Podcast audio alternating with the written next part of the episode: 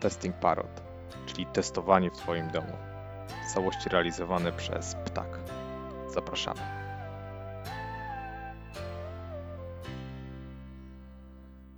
Cześć, witamy Was na kolejnym odcinku Testing Parrot. Y, Tym razem zaprosiliśmy Olę Kornecką. Myślę, że wszyscy z Was ją znają, a jak nie, to będą mieć okazję poznać. Ola, w sumie najbardziej znana osoba, jeśli chodzi o Poznań, myślę, ale Witam serdecznie. też y, dziewczyna, orkiestra, prezenterka, y, współorganizatorka Who Test, meetupów, no i dziewczyna social media, to wszyscy nazywają. Staram się jak mogę przydać w różnych, w różnych aspektach. Faktycznie trochę działam w świecie, bo widzę, że ludzie się z tego cieszą. Jest- Jestem pomocna różnym osobom, więc staram się realizować tak najlepiej potrafię w tym, co potrafię. To może na początek e, powiesz parę słów o tej inicjatywie, z której ja mam. Wydaje mi się, że wiele osób Cię na początku zaczęło kojarzyć, czyli z Gersu Test. Coś więcej o, o idei i mm, Mhm. patrząc też z naszej perspektywy, takie pytanie z tezą, e, z naszej perspektywy mm, e, już, już działacie, tak, jako, e, jako ten, ten, ta, ta organizacja trochę i właśnie skąd, skąd bierzecie energię, chęci, żeby, żeby, wciąż e, to robić tak pro publico bon. No może zacznę od początku, czyli kiedy Who Test powstały, to było około 3 lat temu.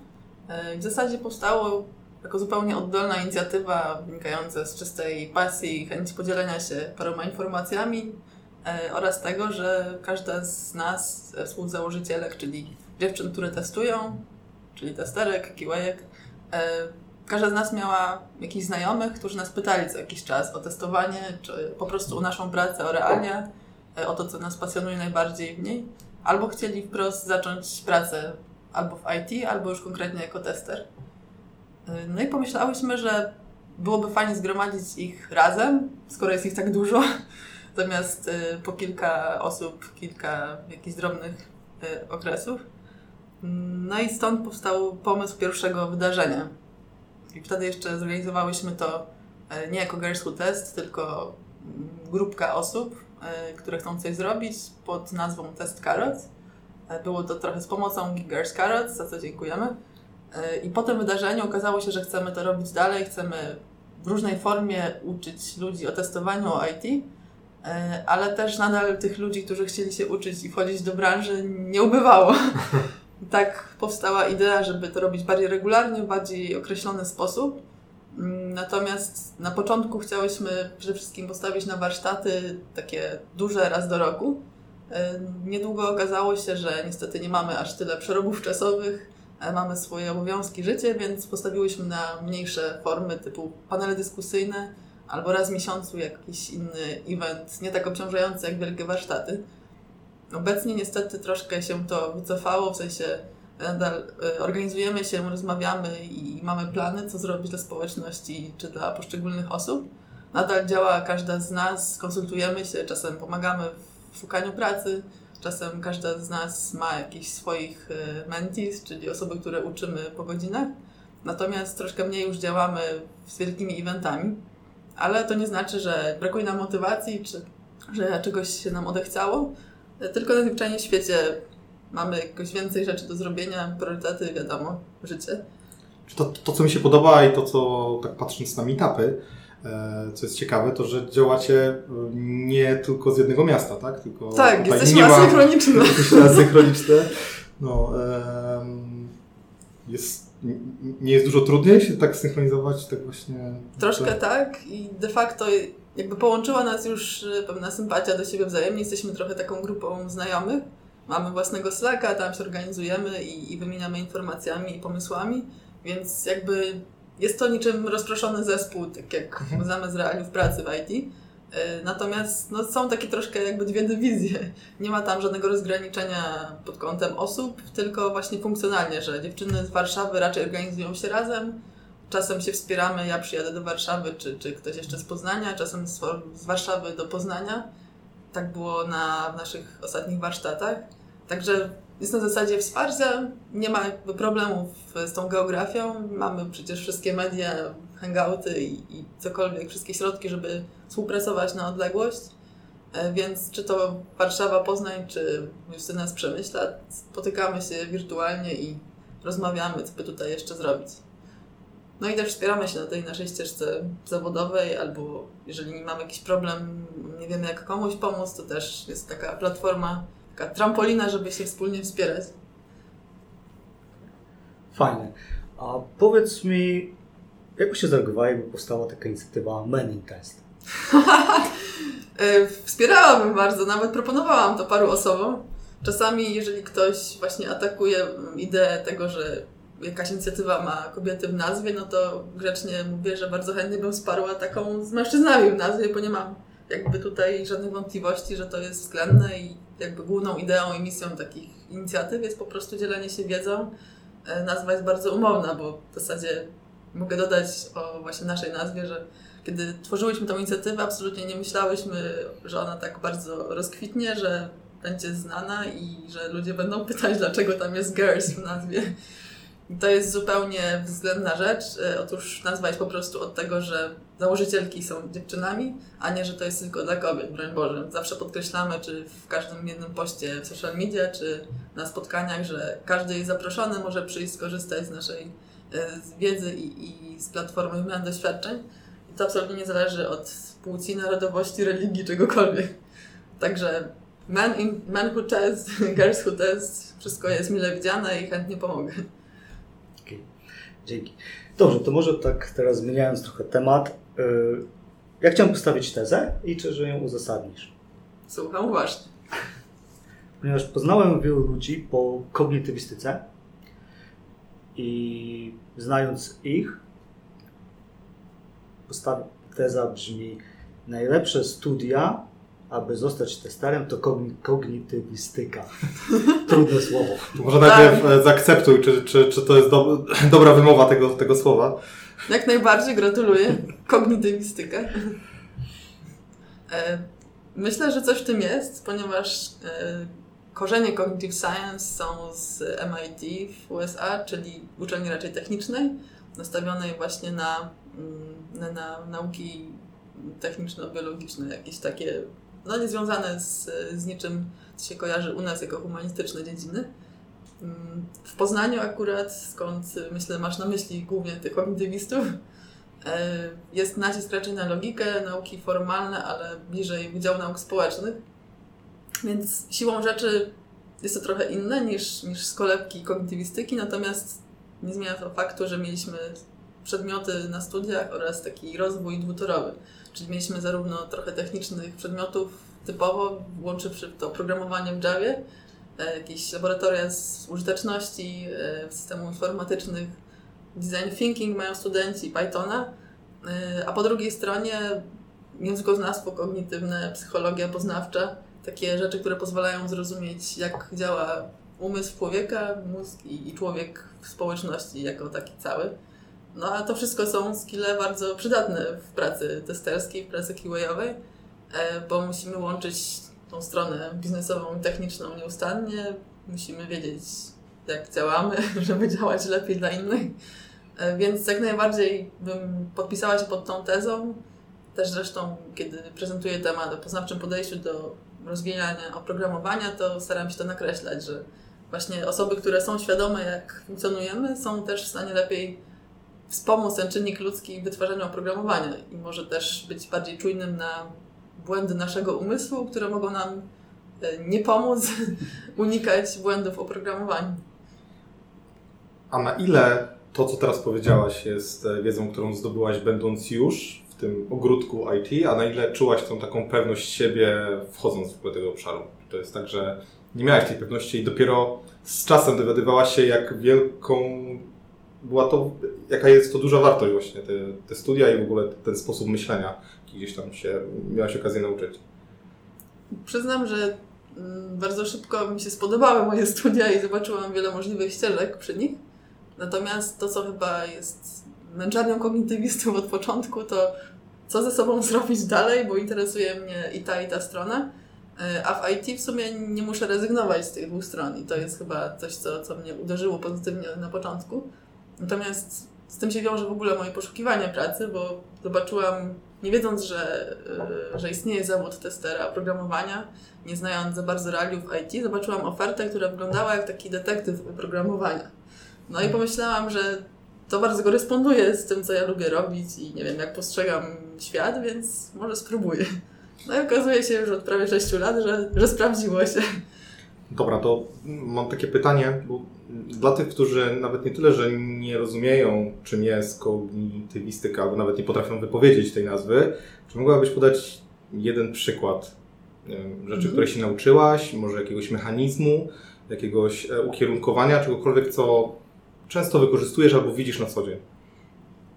Jasne. To jest dużo fajnych przykładów, ale może powiem o okienku uwagowym i o tym, że jako ludzie i nie maszyny często umyka nam cały wielki skrawek rzeczywistości.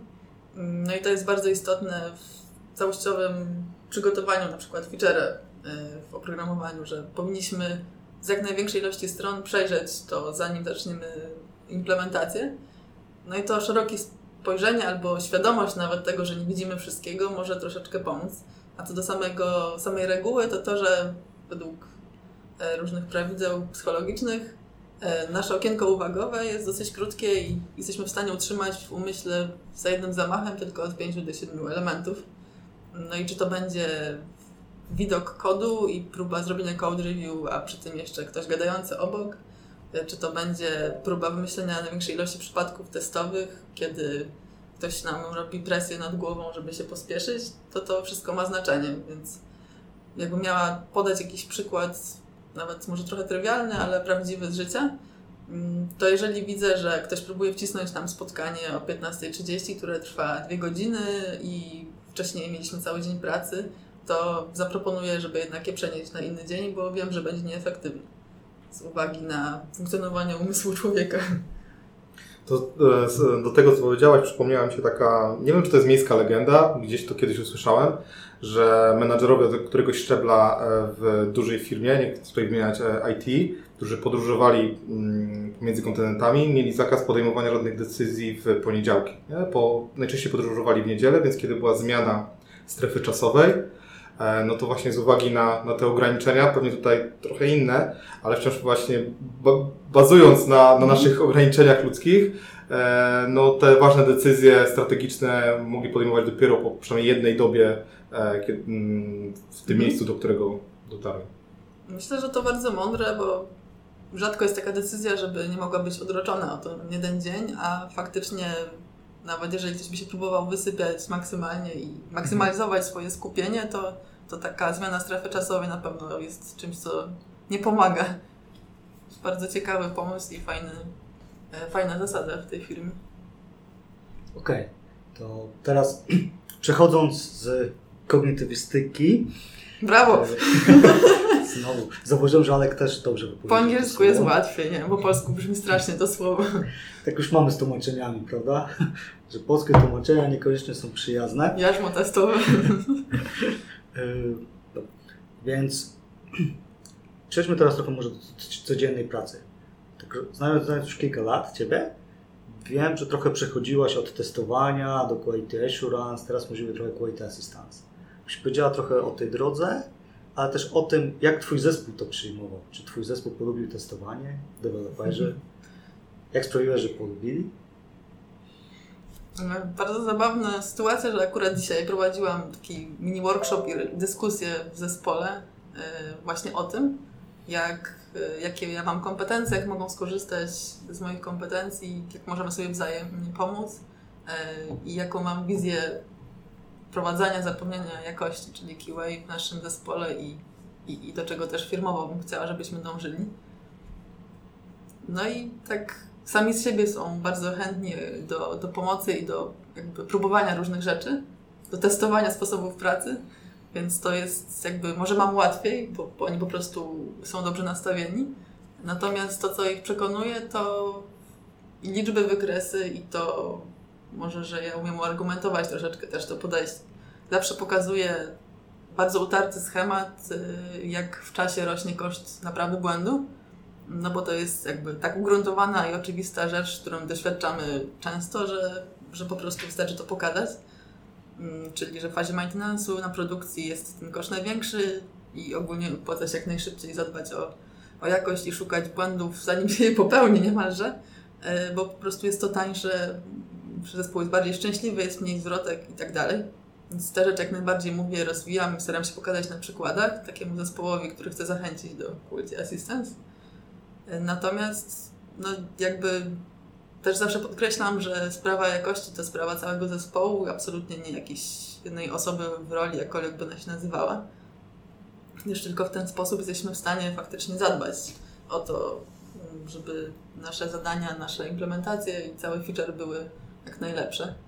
Więc w moim idealnym podejściu to widzę każdą rolę możliwą, która kontrybuuje jakoś do tej jakości. Czy to jest pracownik customer service, czy to jest product manager, y, czy osoba techniczna, czy nietechniczna. Każdy ma swój mały ułamek y, procesowy w tym.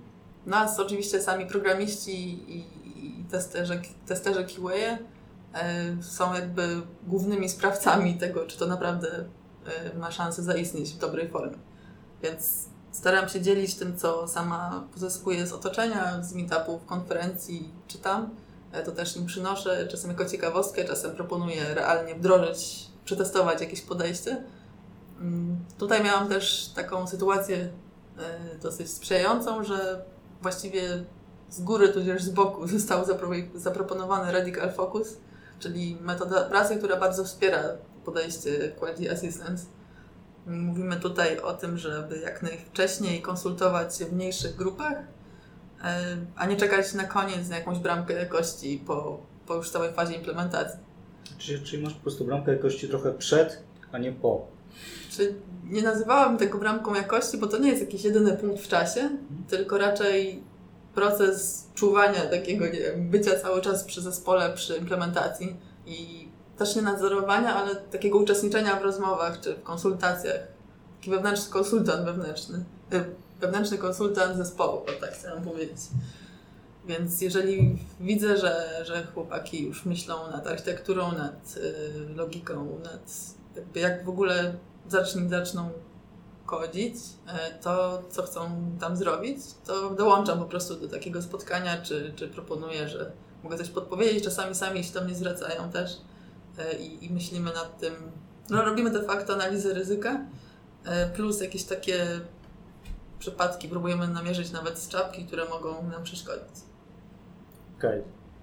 To ile teraz procentowo spędzasz czasu na testowaniu, a ile na tych wszystkich pozostałych konsultacjach i dzieleniu się wiedzą?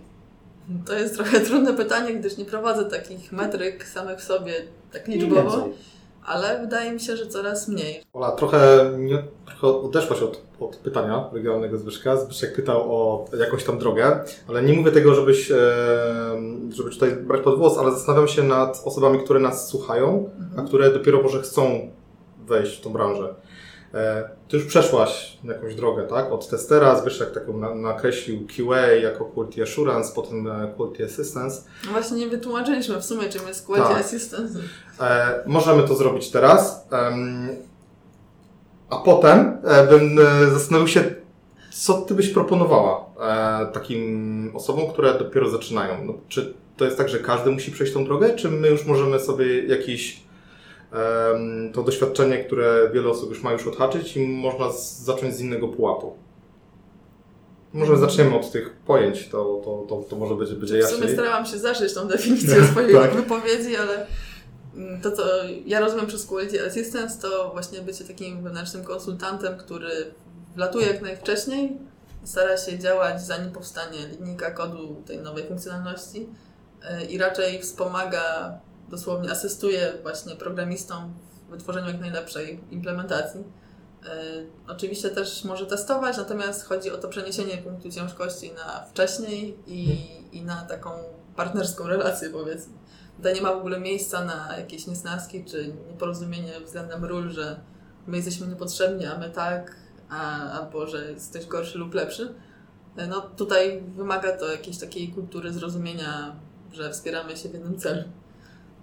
Właśnie chyba pojawi się wspólny cel, tak? Wspólnym celem jest delivery, dostarczenie pewnej funkcjonalności, a wcale nie znalezienie błędów. Ja tak rozumiem trochę tą zmianę. Tak, to jest zmiana trochę w mindsetie, w sposobie myślenia, że chcemy dostarczyć coś jak najlepszego, a nie wyszukać jak najwięcej błędów tylko. Znaczy to, jest, to jest ciekawe, bo e, dla, dla wielu osób to nie jest zmiana w mindsetie, ale na pewno dla tych, które uważały, że testowanie równa się z zniszczeniem, tak? czyli break the software. Jeżeli ktoś miał taki, taką wizję, według mnie trochę spaczoną testowania i, i jego celem było tylko znajdowanie błędów i wytykanie, to myślę, że to jest Wytykanie nie powinno być nigdy tak. elementem. Tak, to, to, tak, to, to jest Ale duża tak, zmiana. Szukanie. Bo to też jest kwestia nazewnictwa chyba, nie? Mhm. że część ludzi rozróżnia testowania i QA, część woli jedną nazwę, czy też stanowiskowo, czy pojęciowo. Ja to rozróżniam tak systematycznie bardziej niż, że to jest jakieś dla mnie istotne, że, mhm. że testowanie zawiera się w zapewnianiu jakości, czyli QA. Myślę, że my rozumiemy to w miarę dobrze, ale jak wyjdzie spoza naszego świata... A kogo rozumiesz przez my? To może tak to jest Na świat testerski, Wszyscy i jakościowy. Ale jak wyjdziesz trochę z naszego świata, czy rozmawiasz z project managerami, mhm. czasami z Scrum Masterami, z program z product ownerami, z program managerami. Różnymi rolami po prostu, które nie siedzą w tym. I nawet dużą częścią deweloperów, dla nich już nie jest to do końca jasne. To ja do tego dodam jeszcze ciekawą obserwację, którą e, zobaczyłem u mnie w firmie, gdzie mamy lokalizację w różnych częściach świata i tam skąd dana osoba pochodzi, czyli głównie Stany, czy Azja, czy Europa, tak e, najczęściej używa etykiet, tak? Czyli mhm. QA jest najczęściej ze Stanów, jakiś software engineer gdzieś tutaj gdzieś w Europie i nauczyłem się bardzo zwracać uwagę na tłumaczenie, co ja przez to rozumiem. Bo już miałem tyle nieporozumień właśnie na tym, na tym tle, bo wydawało mi się, że my, że my w miarę rozumiemy. Ale no to my się jest, często... Jest Kuba, niby i standardy, ale Nie idźmy tą drogą, Ola, może. E, chociaż... Znaczy, my rozumiemy, oni nie rozumieją. Tak. Nie, bardziej chciałam e, zwrócić uwagę, że teoretycznie istnieje w świecie jakiś dosyć szeroko używany standard, ale to nie znaczy, że, że nie warto tłumaczyć i, i się kierować, że skoro istnieje, to nie trzeba mówić. Czyli... Także jak najbardziej też. Ja myślę, że z, te, z tym standardem też mamy duży problem, bo co mnie nauczyło doświadczenie, to jednak standardem jest IT na przykład, mhm. a nie ISTQB. Tak, jest, jest kilka pojęć nawet, szerszy które są troszeczkę, mają inną definicję między ITIL a ISTQB. I raczej tamten słownik jest używany niż ten nasz. Musimy tutaj troszeczkę tak wziąć pod uwagę, że to, jednak nie jest standard dostarczania. Czyli uczmy się przynajmniej standardów ITIL. E, myślę, że nad definicjami to, jak kto rozumie, kto, kto to jest my, a kto to są oni, tak, e, dużo czasu. A, a wracając do tego e, pytania, co byśmy proponowali, tak powiedziałem my, bo tak w trójkę zaczęliśmy sobie dyskutować, takiej, takiej nowej osobie, czy właśnie przejście tej drogi od bycia od osobą, która też uczy się technik testowania, uczy się tych wszystkich sposobów na to, jak i e, jakie problemy mogą się pojawić, e, jak najlepiej dopasować e, wiedzę innych, doświadczenie innych do, jakiegoś, do jakiejś aplikacji, którą testuje. E, czy może od razu wrzucać w buty konsultantów wewnętrznych? Mm, ja tutaj bym powiedziała ostrożnie, że nie ma jednej, jedynej właściwej mhm. drogi. Nigdy, nigdy. Natomiast trudno mi wyobrazić sobie konsultanta, który nie ma pewnych doświadczeń ze sobą. Mhm. Bo poza takim zwykłym ludzkim nie, odwagą cywilną, żeby się w ogóle odezwać w jakimś temacie, y, poza nabraniem takim zwykłym, osobowym y, tej, tej odwagi, zdolności i chęci odzywania się, y, no to jakby twarde dane i doświadczenia prostu różnych przypadków, technik, sytuacji, projektów, może firm. To wszystko powoduje, że nie do końca widzę, żeby można było po prostu wystartować tak o z tym. Albo można wystartować, ale nie będziesz tak skutecznym, jeżeli e, się nie miało wcześniej doświadczeń tej drogi testerskiej. To, co ja widzę jeszcze, to mm, dużo zależy od um, takiego szacunku, takiego autorytetu, który się gdzieś zbuduje, bo dopiero wtedy ludzie zaczynają zespół zaczyna słuchać e, taką osobę. No i ma, mając Ciebie po, tutaj e, na podcaście, jakie są Twoje sposoby na, na to, że wchodzisz w jakiś zespół, czasami osób, e, które nie znasz i co robisz, jak się zachowujesz, czy, czy tak naprawdę nic nie robisz, żeby ludzie cię słuchali, tak? Żeby, Mhm. żeby ten autorytet zdobyć, albo przynajmniej go nie stracić na wyjście. Nie, to jest bardzo zasadne pytanie i myślę, że dużo osób ma z tym kłopot albo szuka odpowiedzi na takie pytanie. E, Na pewno to jest oprócz jakiejś postawy i tak mowy Mhm. ciała niewerbalnej i słów, jakie się używa, to, to może niekoniecznie na ten moment, natomiast mm, ja zawsze się przedstawiam.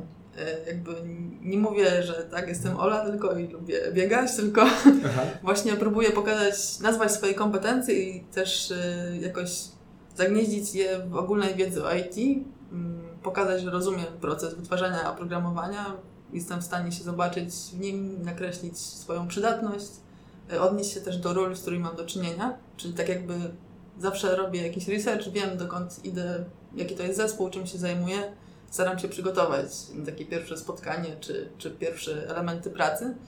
Mm, I po prostu może troszeczkę błysnąć, ale w taki sposób pozytywny, czyli nie, że jakby ja emanuję swoją osobą, e, tylko po prostu próbuję pokazać przydatność swojej roli oraz to, jak mogę być pomocna dla nich.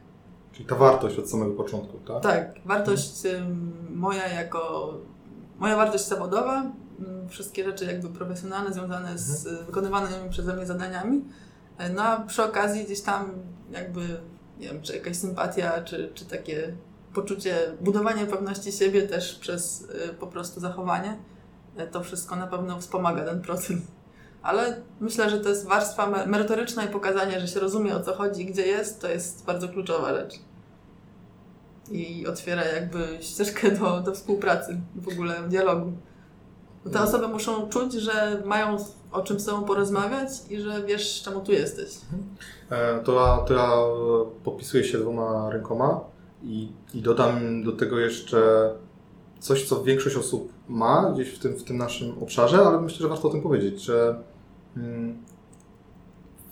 fajnie jest, jak ktoś widzi, że tobie zależy. Oj Się- tak. Że, że, że, że coś tobą kieruje do, do, do właśnie niesienia tej wartości, że nie jesteś tam, tam na siłę i, i że tobie się chce, bo to, bo to, jest, to jest coś, co, co, co, co odróżnia no właśnie tego asystenta tak, jakości, bo, bo mm, zgadzam się z Zbyszkiem, że na końcu mamy ten cel, jeden, ale są, są takie nasze motywacje. One go. Tak, Jest to jakaś Tak. narracja kulturowa. Jest, ale, ale, ale jest coś takiego, że jesteśmy ukierunkowani w jakichś momentach i i jeżeli jest ta jedna osoba, której zależy bardziej a, i, i ona potrafi tym... Pociągnąć zespół może Mhm. trochę. To, to, to, to przynajmniej z, z mojego doświadczenia działa. Tak, jak najbardziej. Tutaj w zasadzie może to trochę ryzykowna idea, ale wydaje mi się, że taki dobry QA y, w zasadzie staje się w jakimś stopniu liderem zespołu, albo chociaż liderem jakości. Nie chodzi tutaj o rolę, że jest menedżerem czy zarządza kimś, ale że jest w stanie właśnie zachęcić też ludzi zwyczajnie w pracy, w przestrzeni tej, tej profesjonalnej, ale zachęcić do dbania o tą jakość. Czy jest ewangelistą? No, jest taki termin. Ja tak się nie określam, w sensie nie myślę o tym, kiedy działam w pracy, natomiast widzę, że często takie coś się sprawdza po prostu, żeby wytłumaczyć i z całą swoją też osobą e, pokazać, że się w to wierzy i że to jest słuszne. Ja uwielbiam porównanie właśnie takiego Quality Assistance do Scrum Mastera, gdzie Scrum Master organizuje samoorganizujący się zespół. To jest oczywiste, prawda?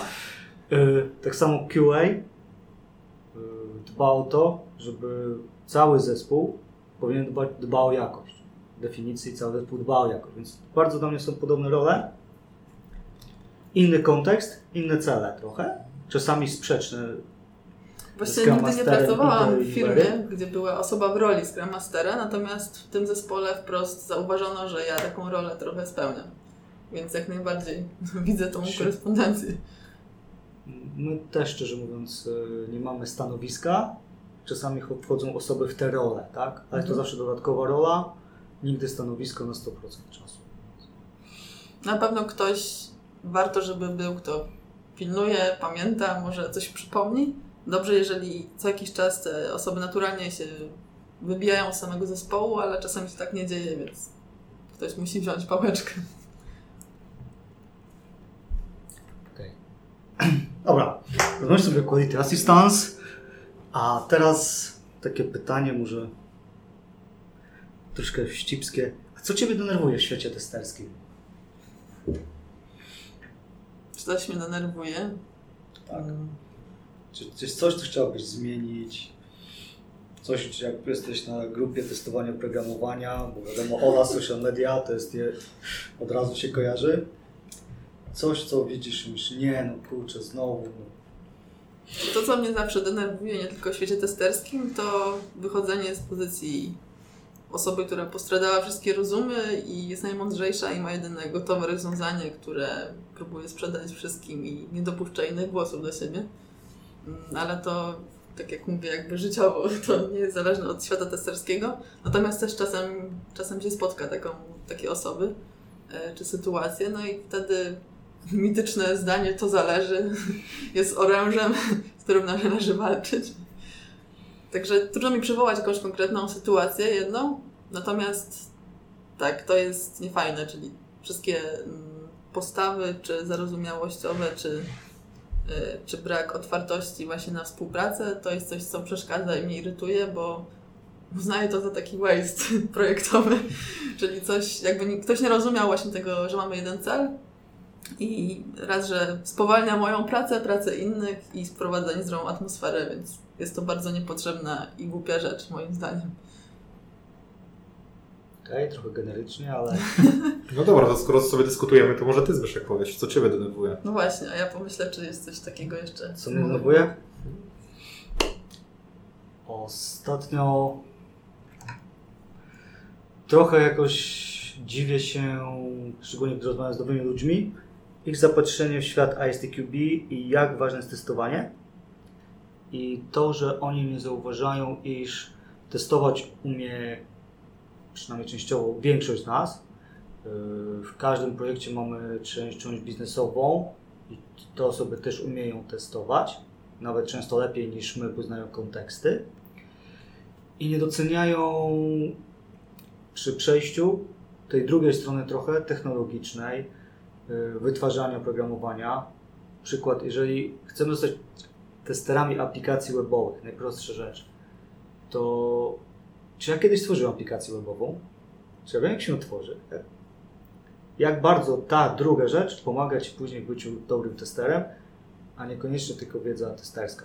I przekonanie ludzi, że To wystarczy. zapomnij na początku może wiedzy testerskiej, zobacz jak to jest budowane, zbuduj sam coś, poczuj się e, jak ten budowniczy, zobacz ile rzeczy Ci pójdzie nie tak i automatycznie zbudujesz sobie wachlarz i opcje, wiele opcji, które są ryzykami przy projektach i tak dalej, będziesz lepiej rozumiał ten sposób wytwarzania. Że jest wiele innych ryzyk, które czasami są ważniejsze niż same testowanie i można od tej, od tej drugiej strony też spojrzeć. No nawet sparowanie się z programistą w sumie by mogło pomóc, nie, jeżeli ktoś bardzo nie chce zbudować samodzielnie zupełnie, ale Znaczy też, też by mnie denerwowało, jeśli ktoś by uparcie nie chciał poznać tej drugiej strony. Osobiście nie wyobrażam sobie, jak można testować aplikacje webowe, nie, nie, nigdy nie zbudowując swojej własnej strony, nie rozumiejąc, jak to, jest, jak to działa. No, nazwa, tak? Tester oprogramowania. No, jak można testować coś, czego się w ogóle nie rozumie? Oprogramowania, nie? To, to, to myślę, że, że można też e, w tą stronę pójść. E, To Alek, teraz ty. teraz ja, ja nie byłem przygotowany. Nic się nie denerwuje. E, Denerwuje mnie wiele rzeczy. E, Najbardziej takie ograniczenie z jednej strony, jeżeli ktoś. mm, Mówię tutaj o krzywej takiej, e, takiej nauki, gdzie po dwóch, trzech latach wiele osób uważa, że, że jest już na, na szczycie tej krzywej, tak? E, Jest to, nawet ma swoją nazwę, efekt, e, nie pamiętam, De, de, de, Kuninga, nie tak, pamiętam, tak, takiego. to, to, to, to jest jedna rzecz.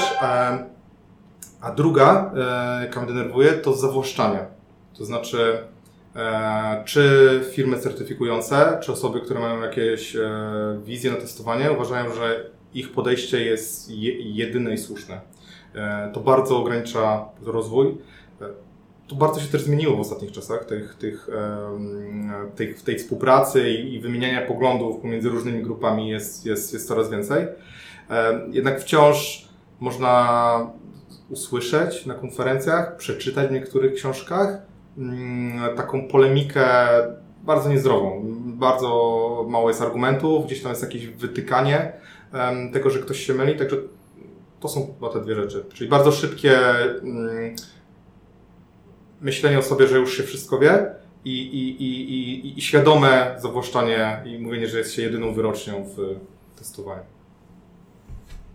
to Odpowiedziałem na pytanie, Zbyszek? Tak. Częściowo. Ja mogę dodać jeszcze jeden punkt, który mi przyszedł do, do głowy, że troszkę irytuje mnie takaś, takie zapatrzenie w samą automatyzację bez pokrycia i bez kontekstu, że są osoby, które myślą, że tym jedynym rozwojem i tym kierunkiem jest po prostu automatyzować. W jakim języku, w jakiej technologii, jaki soft, co, po co w ogóle, jakiego rodzaju testy. No, tak jakby to są kluczowe pytania, a one o tym nie myślą jeszcze.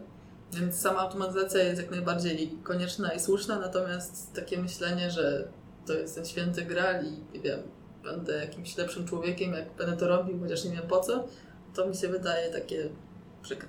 Ja mam dziwne wrażenie, że akurat to, o czym mówisz, dużo sprowadziło to pracodawcy, bo za człowieka, który automatyzuje, często zapłacić za więcej dla tej osoby, bo to też pieniądze gdzieś w końcu są, niż dla człowieka, który na przykład testuje, czy jest quality assistance, prawda? O nas chodzi. Chociaż TOSA też powinna znać trochę automatyzacji, i, ale przynosząca większą wartość. Czyli tak naprawdę za mniejszą wartość chcę zapłacić więcej. I kilka razy rozmawiając z ludźmi, zrozumiałem, że to jest dla nich jedyna ścieżka przejścia na automatyzację. Automatyków? Nie, to jest.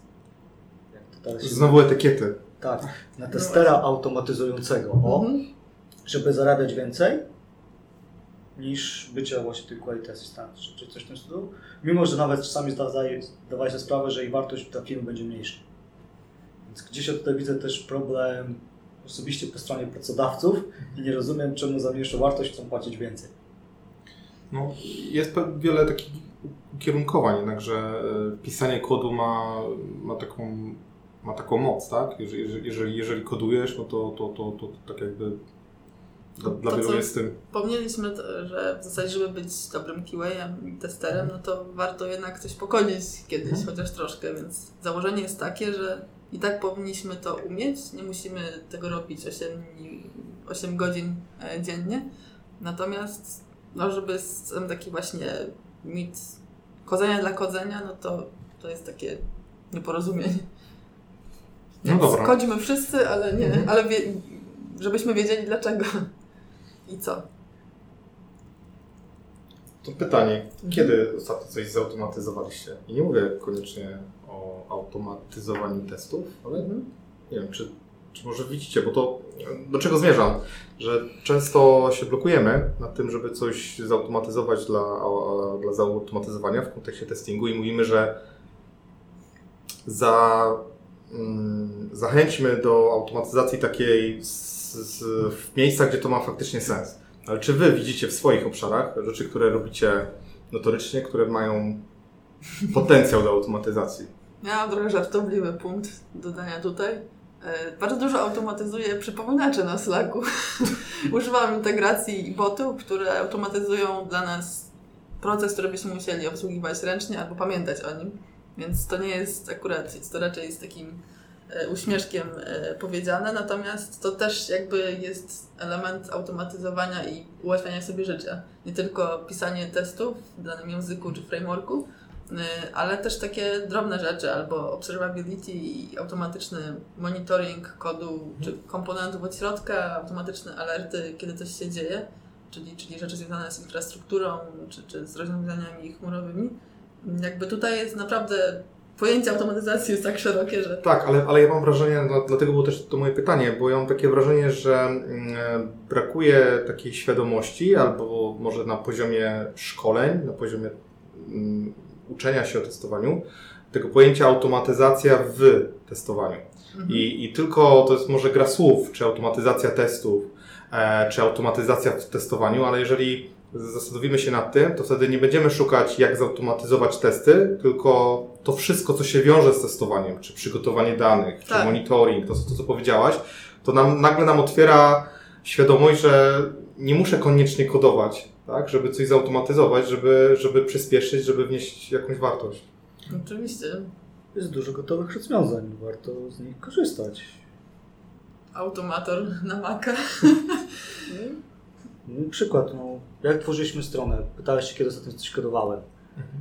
Tworząc stronę dla, na konferencję Ptak Day One. HTML, CSS i WordPress. JavaScript i Git, bo podpięliśmy swoją stronę pod No Gita, więc Śledzenie szczerze mówiąc niekoniecznie było to potrzebne, ale tak, żeby odświeżyć sobie pamięć, bo na przykład ja na co dzień w ogóle moją rolę już nie mam. Więc y, Mhm. tak od czasu do czasu właśnie takie małe rzeczy, gdzie możesz sobie przypomnieć, jak to jest, no są super. No tak, no chcemy gdzieś e, czuć, że jesteśmy tymi inżynierami. Tak, czasami jest taka wewnętrzna poczucie potrzeby zrobienia coś. Albo chociaż bycie na bieżąco. To, co ostatnio e, automatyzowałam, na przykład jakiś nie, mały skrypcik w Bashu, który przełącza mi brancha albo wykonuje kilka komand gitowych naraz. I to jest niby nic, ale cieszy i też jest przydatne jak najbardziej. E, Też czasami coś piszemy wzajemnie, nie, może nie obecnie, ale były czasy w firmie, że prostu wymienialiśmy się z programistami właśnie takimi małymi usprawniaczami życia. Oni napisali coś, e, my, my coś dla nich. No i czy to jest generator danych testowych właśnie, czy, czy cała funkcjonalność, czy, czy cały przypadek testowy w Selenium, to, to jakby to wszystko jest automatyzacja. Dobra, ja mm, zmienię trochę naszą dyskusję, bo przesunę ją na tor. Mhm. Mm, Nie wiem, czy to jest pasja, ale z tego też jesteś znana, z prezentowania wiedzy na temat testowania. Ale tutaj mogę powiedzieć, e, że Nie tylko. Twoja, nie tylko, e, że Twoja prezentacja zrobiła furorę e, na Ptak Day One. Bardzo mi miło. E, Prezentacja, o której już e, tytuł już wspominaliśmy mm, na, e, na tym podcaście e, Radical Focus. No i tak, tak na sam początek, dlaczego to robisz? Dlaczego chcesz być prezenterem? E, Znaczy robisz to dobrze, e, bo, bo mamy wgląd w wyniki i, i, i w ankiety, więc e, ludziom się podoba to, co robisz, ale dlaczego? Albo jakbyś chciał przekonać innych, a może skąd, skąd bierzesz motywację do, Może zacznę od tego, że ja Mhm. nigdy nie chciałam tego robić i w sumie nigdy nie pomyślałam, dalej tak nie myślę, że ja chcę występować przed jakimiś ludźmi i coś im mówić, żeby na mnie patrzyli i słuchali i żeby my patrzyli, czy się mylę, czy nie. i bili brawy? Tak, no właśnie. Także to jakby nigdy nie, nie przyświecało akurat mi. E, Natomiast zauważyłam, że mogę dotrzeć do większej ilości osób. No jestem taką osobą, że po prostu mam jakąś taką misję od wewnątrz, nie wiem skąd to się wzięło, ale tak jest, że, że lubię się dzielić wiedzą, nie widzieć jak pomagam też może przez to trochę różnym osobom. Czasem bezpośrednio, bo w, zmieniają branżę i są szczęśliwi w nowym miejscu pracy, a czasem pośrednio, bo po prostu e, zainspiruje ich do jakiegoś działania czy szukania informacji samodzielnie. No i to jest jakby coś, co mnie napędza. Nie wiem, jest to jakiś element też ważny dla mnie życiowo. Natomiast co do samych konferencji i wystąpień, można dotrzeć do większej ilości osób naraz. E, Te osoby się nie kończą, w sensie, że jest raczej większe zainteresowanie niż mniejsze ogólnie wydarzeniami i słuchaniem takich rzeczy. Mm, Także jakby wzięłam pewien rozpęd, coś mi wyszło po drodze, wychodzi mi coraz lepiej, więc, więc myślę, że warto kontynuować. Tak, wychodzi coraz lepiej. Czy nie znam innych ocen, ale widząc też, jak często się pojawiasz i No to miejsca, też mierzę ilością się... swojego stresu na przykład. Okej. Jakbym A, miała zachęcić. E, na pewno warto zacząć robić wewnętrzne prezentacje i jakby przesuwać swoją granicę komfortu dla swojego dobra i dla dobra innych na takiej próbce mniejszej, czyli jakichś przyjaźniejszych osób, czy w zespole, czy w firmie, czy nawet w rodzinie. Można wytłumaczyć, próbować swojej babcie, babci, e, mamie, tacie, co robię w pracy, albo czego nie robię, albo co bym chciała, e, co bym chciała im przekazać, jak wygląda właśnie to, to moje profesjonalne życie. No i potem można to rozszerzyć na jakiś meetup i też może nadal tak daleko od domu, nie przed tak wielką publiką. e, I po prostu testować siebie, swoje odczucia i to, jak mi idzie przekazywanie wiedzy. Bo jest taka jakaś magia z przekazywaniem wiedzy, że wtedy samemu też się lepiej wszystko rozumie i okazuje się, że to też nas jakoś rozwija. E, Bo zupełnie inaczej jest uczyć się w własnej głowie czegoś, czy, czy słuchać kursu, a inaczej nagle musieć wytłumaczyć to komuś, jeszcze który co gorsza jest poza IT i nie ma żadnego kontekstu tego, o czym mówimy. To bardzo otwiera umysł i jest też takim ćwiczeniem mentalnym i no, to jest jakby win-win. E, Dla nas jest to jakaś wartość, no a dla tej osoby też, bo dowiaduje się nowych rzeczy. Nie wiem, czy w tym, ale na pewno w zeszłym roku miałaś okazję być na kilku, nie, nie chcę powiedzieć kilkunastu, bo tego nie jestem pewny, e, wydarzeniach testerskich i w Polsce, i za granicą.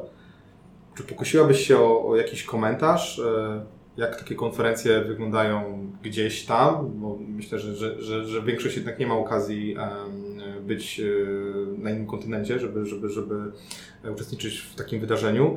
E, Jak to wygląda u nas?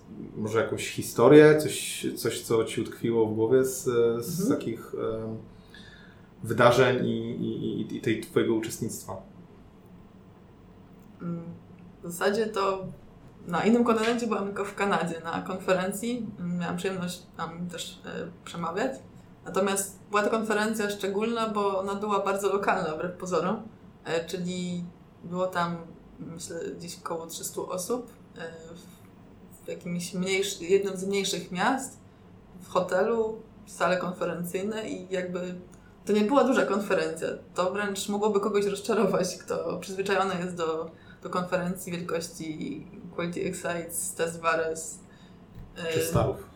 Proszę? Czy Starów? Tak, tak. Mhm. Także klimat był o tyle inny, że tam był raczej nacisk na firmy, czyli przychodzili pracownicy firm i opowiadali o różnych rzeczach, a u nas jest bardziej nacisk na wiedzę osobistą i jakby takie doświadczenia swoje, e, niezwiązane koniecznie może z firmą, ale nawet jeżeli związane z firmą, to rzadko ma się wrażenie, że to jest firmowa prezentacja.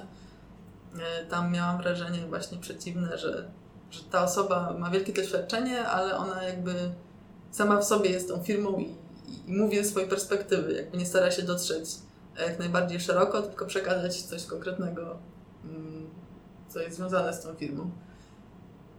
Mhm. Myślę, że coś jeszcze mogę powiedzieć z charakterystycznego. Dla mnie to było wszystko nowe, bo byłam pierwszy raz właśnie w Kanadzie, więc jakby moje patrzenie było też troszeczkę zbajasowane. E, Miałam jakby, nie, nie odczuwałam tego, że jestem na konferencji innej, tylko w ogóle wszystko było inne i nowe.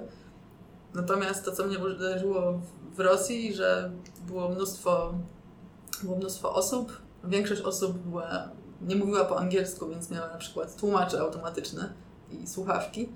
Więc było bardzo dziwnym doświadczeniem mówić do właśnie takiej wielkiej sali i widzieć i słyszeć troszeczkę w tle, jak te tłumacze z angielskiego na rosyjski tłumaczą. Że to było takie specyficzne. A jak wyglądała te, ta część e, za kulisami, czy tam ta kuluarowa? E, Bo skoro większość osób e, była rosyjskojęzyczna, czy mm, miałeś okazję z uczestnikami porozmawiać, czy raczej prezenterzy stworzyli grupki i, i, i ze sobą Mhm. uprawiali networking?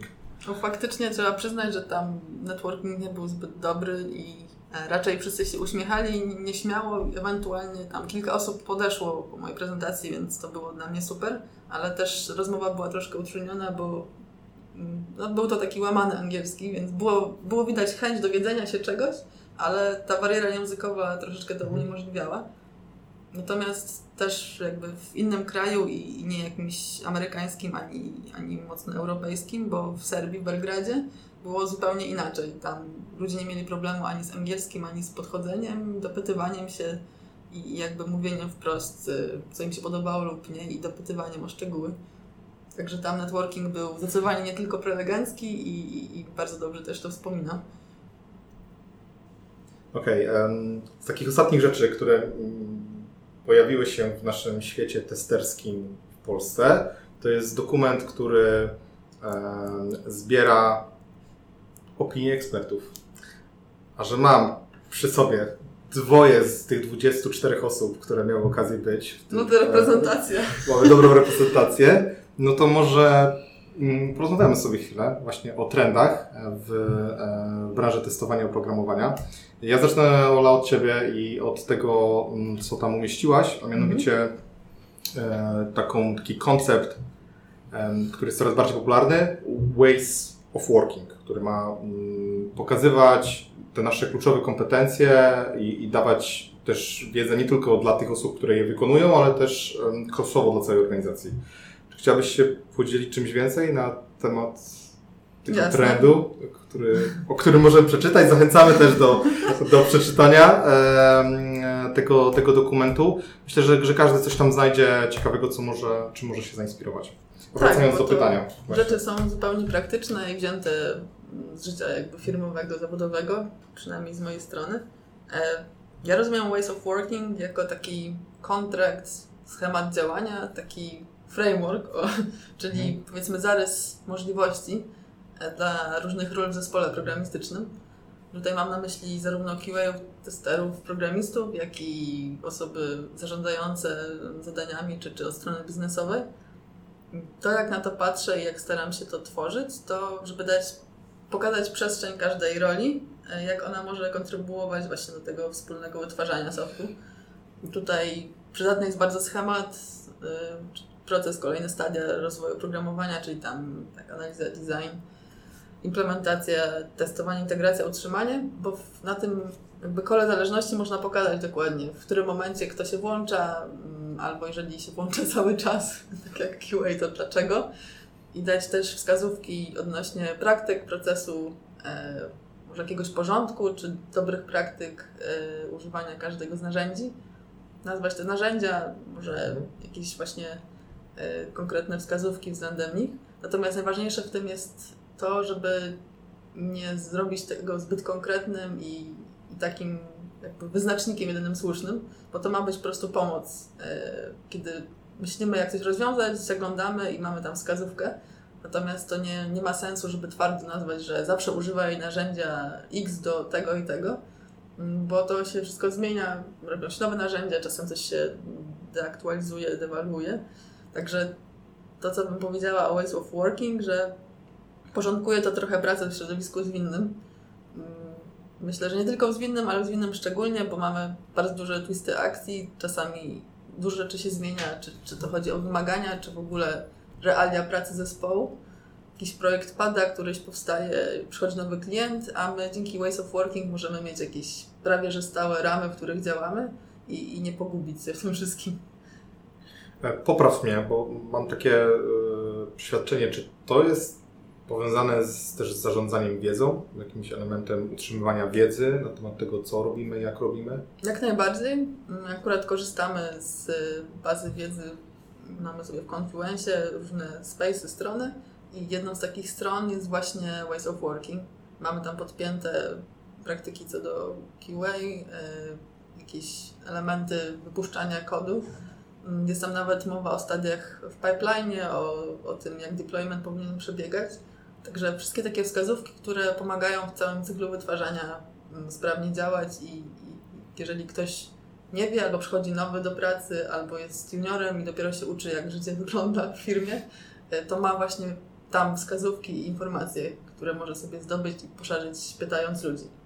To jak to ma się do metodologii, którą wybierzecie? Czy to nie zastępuje trochę me- metodologii? Metodologii masz na myśli sposobu pracy? Scrama, Kanbana?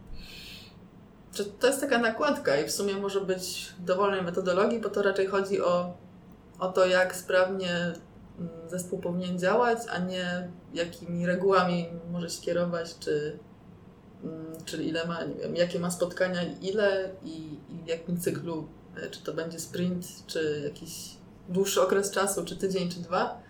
E, To jest jakby bardzo pokrewne, racja, natomiast raczej chodzi o nie o sam sposób y, pracy, tylko o wskazówki odnośnie każdego z elementów.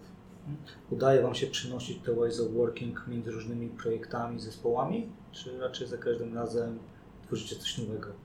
Ja bym to przypisała raczej do zespołu, y, czyli jeżeli jeden zespół by zmienił projekt, to możliwe, że te ways of working by się obroniły, ale to, że zespół A ma ways of working jedne, to nie znaczy, że zespół B będzie miał identyczne, y, bo powinny one być jakby służyć zespołowi, żeby on jak najsprawniej działał w takiej konfiguracji, w jakiej jest. Są też zespoły z rolami, nie, nie w każdym zespole jest na przykład QA, nie każdym jest y, designer, y, i, i po prostu też te ways of working będą wtedy inne.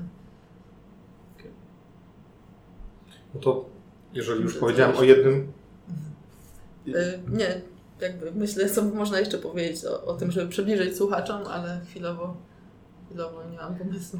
Mnie zastanowiło, powiedziałeś, że jest zespół bez QA. Jak wygląda Ways of Working w zespole bez QA? Musiałabym zobaczyć, natomiast z tego co słyszę, Nie zdążyli wypełnić. nie zawsze jest to łatwe, bo wiadomo, każdy dobry programista i tak testuje, jakby sprawdza, czy działa, tak, podstawa w podstawowym zakresie.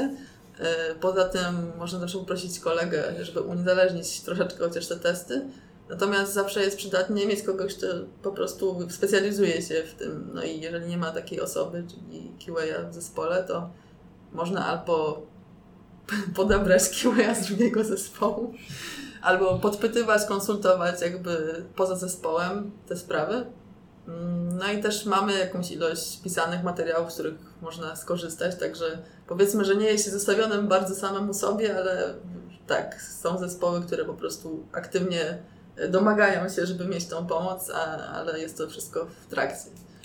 To, to, co ja też widzę i nawiążę do tego słowa ewangelizować, e, to jest też tak, że niektóre zespoły są już zewangelizowane i e, nie ma czasami sensu e, przekonywać do, do, do rzeczy, które, do których ludzie już są przekonani i, i jeżeli mówimy o tym, że tego testowania jest e, mniej w porównaniu do tego przekonywania czy konsultowania, no to to jest jakaś też droga rozwoju, gdzie, gdzie zespół potrafi bez QA sobie poradzić.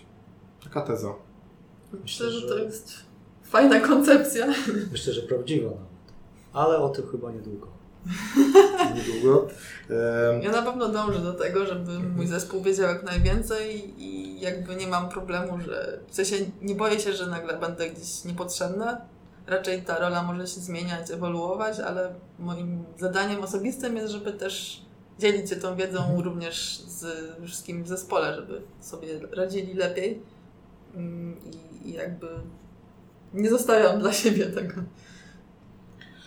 Z- Kiedy przygotowywaliśmy się do, mm, do rozmowy z Tobą, to mm, pozwoliliśmy jeszcze naszym kolegom, którzy organizują e, z nami meetup, też o zadanie pytań. I pozwolę sobie jedno takie pytanie e, zadać, przeczytać je. Jak dbasz o swój rozwój testerski i ile śpisz godzin dziennie? Myślę, że to jest tezą odnośnie e, twojego, Twojej aktywności e, w mediach społecznościowych, ale tak całkiem poważnie. Czy świadomie się rozwijasz w kontekście testowania? E, Śmiem twierdzić, że tak. I jeżeli tak, ok, Mhm. to, to jakieś kilka złotych rad. Jasne. E, zupełnie inaczej postrzegałam na początku swojej drogi testerskiej to wszystko, a inaczej teraz. Teraz mam trochę łatwiej, bo znam parę osób, wiem też gdzie szukać, więc mam swoje ulubione źródła. Mm, Natomiast od początku to zawsze zachęcam różne osoby, żeby oprócz własnego researchu w Google zaczęły właśnie rozglądać się po społeczności i podpytywać osoby bardziej doświadczone. Oczywiście na pewno pomaga też e, posiadanie perspektyw pracy w firmie produktowej, projektowej, kilku projektów, e, doświadczenia właśnie różnych sposobów pracy. To to na pewno rozwija i pozwala też mieć świadomość, że w ogóle jest co, coś do szukania dalej, do dowiadywania się. Mm, To, co w zasadzie teraz, to mam kilka ulubionych osób e, i z Polski, ze świata, które śledzę i jakby ich materiały jakoś szczególnie mnie interesują. Tutaj będzie to na przykład Emil Tester, czyli Alan Richardson, czyli Zach Crispin e, i wszystkie DevOpsowe tematy naokoło. Natomiast jakby nic nie zastąpi tej pasji poszukiwania jakiegoś takiego detektywa, który szuka czegoś, co się może mu przydać aktualnie w pracy, albo też próbuje sobie czasem wizualizować, mm, co, co bym chciała robić w przyszłości, albo jakie elementy IT e, są, są korcące i, i próbuję też sądować, co się może przydać w przyszłości. Więc nawet jeżeli dzisiaj nie wiem nic o machine learningu, to wiem, że jest to hot topic, należy się zainteresować, poczytać. Jeżeli nawet nie będzie to moja specjalność, to chociaż wiedzieć o co chodzi, żeby właśnie zadbać o ten rozwój e, horyzontalny, czyli poszerzania wiedzy. No jeżeli coś mnie zainteresuje bardziej, albo okazuje się, że jest mi to potrzebne życiowo, czy w projekcie, czy, czy po prostu przyniesie więcej korzyści, czy materialnych, czy, czy jakiejś satysfakcji, e, no to mogę pogłębiać ten obszar.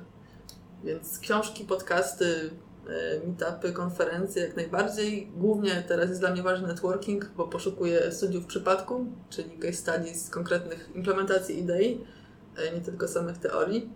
Natomiast też musiałam się najpierw dowiedzieć, że one istnieją, więc tak jak mówię, warto, wa warto wertować internet, podpytywać kolegów, koleżanki. E, no i samodzielnie się też bawić. To, co Zbyszek mówił wcześniej o tworzeniu aplikacji samodzielnie. Mm, spróbować się wgryźć w jakiś temat, popróbować narzędzia oprócz czytania o nim. Nie jestem za bardzo fanką, nie jestem dobra w kursach, czyli takich jednolitych blogach, które coś przygotował i zostawił. E, co do narzędzi na przykład, wolę jakąś taką dynamiczną interakcję, testowanie de facto tego narzędzia do testowania na przykład, patrzenie co, co, jakie ma możliwości i ograniczenia, e, no i potem pomyślenie jak ono się może przydać. Także hands-on najlepiej po prostu spróbować czegoś e, niż, niż czytać zbyt długo o tym. Myślę, że jest to takie korespondujące z naszym mindsetem testerskim, czyli sprawdź, może niekoniecznie zawsze musisz zepsuć, ale przynajmniej wiesz, z czym to się je. Także zachęcam i do czytania, i do próbowania, przede wszystkim praktykowania. To ja e, tak dodam jeszcze ze, ze swojej strony, że obserwuję u siebie najczęściej e, marnotrawstwo.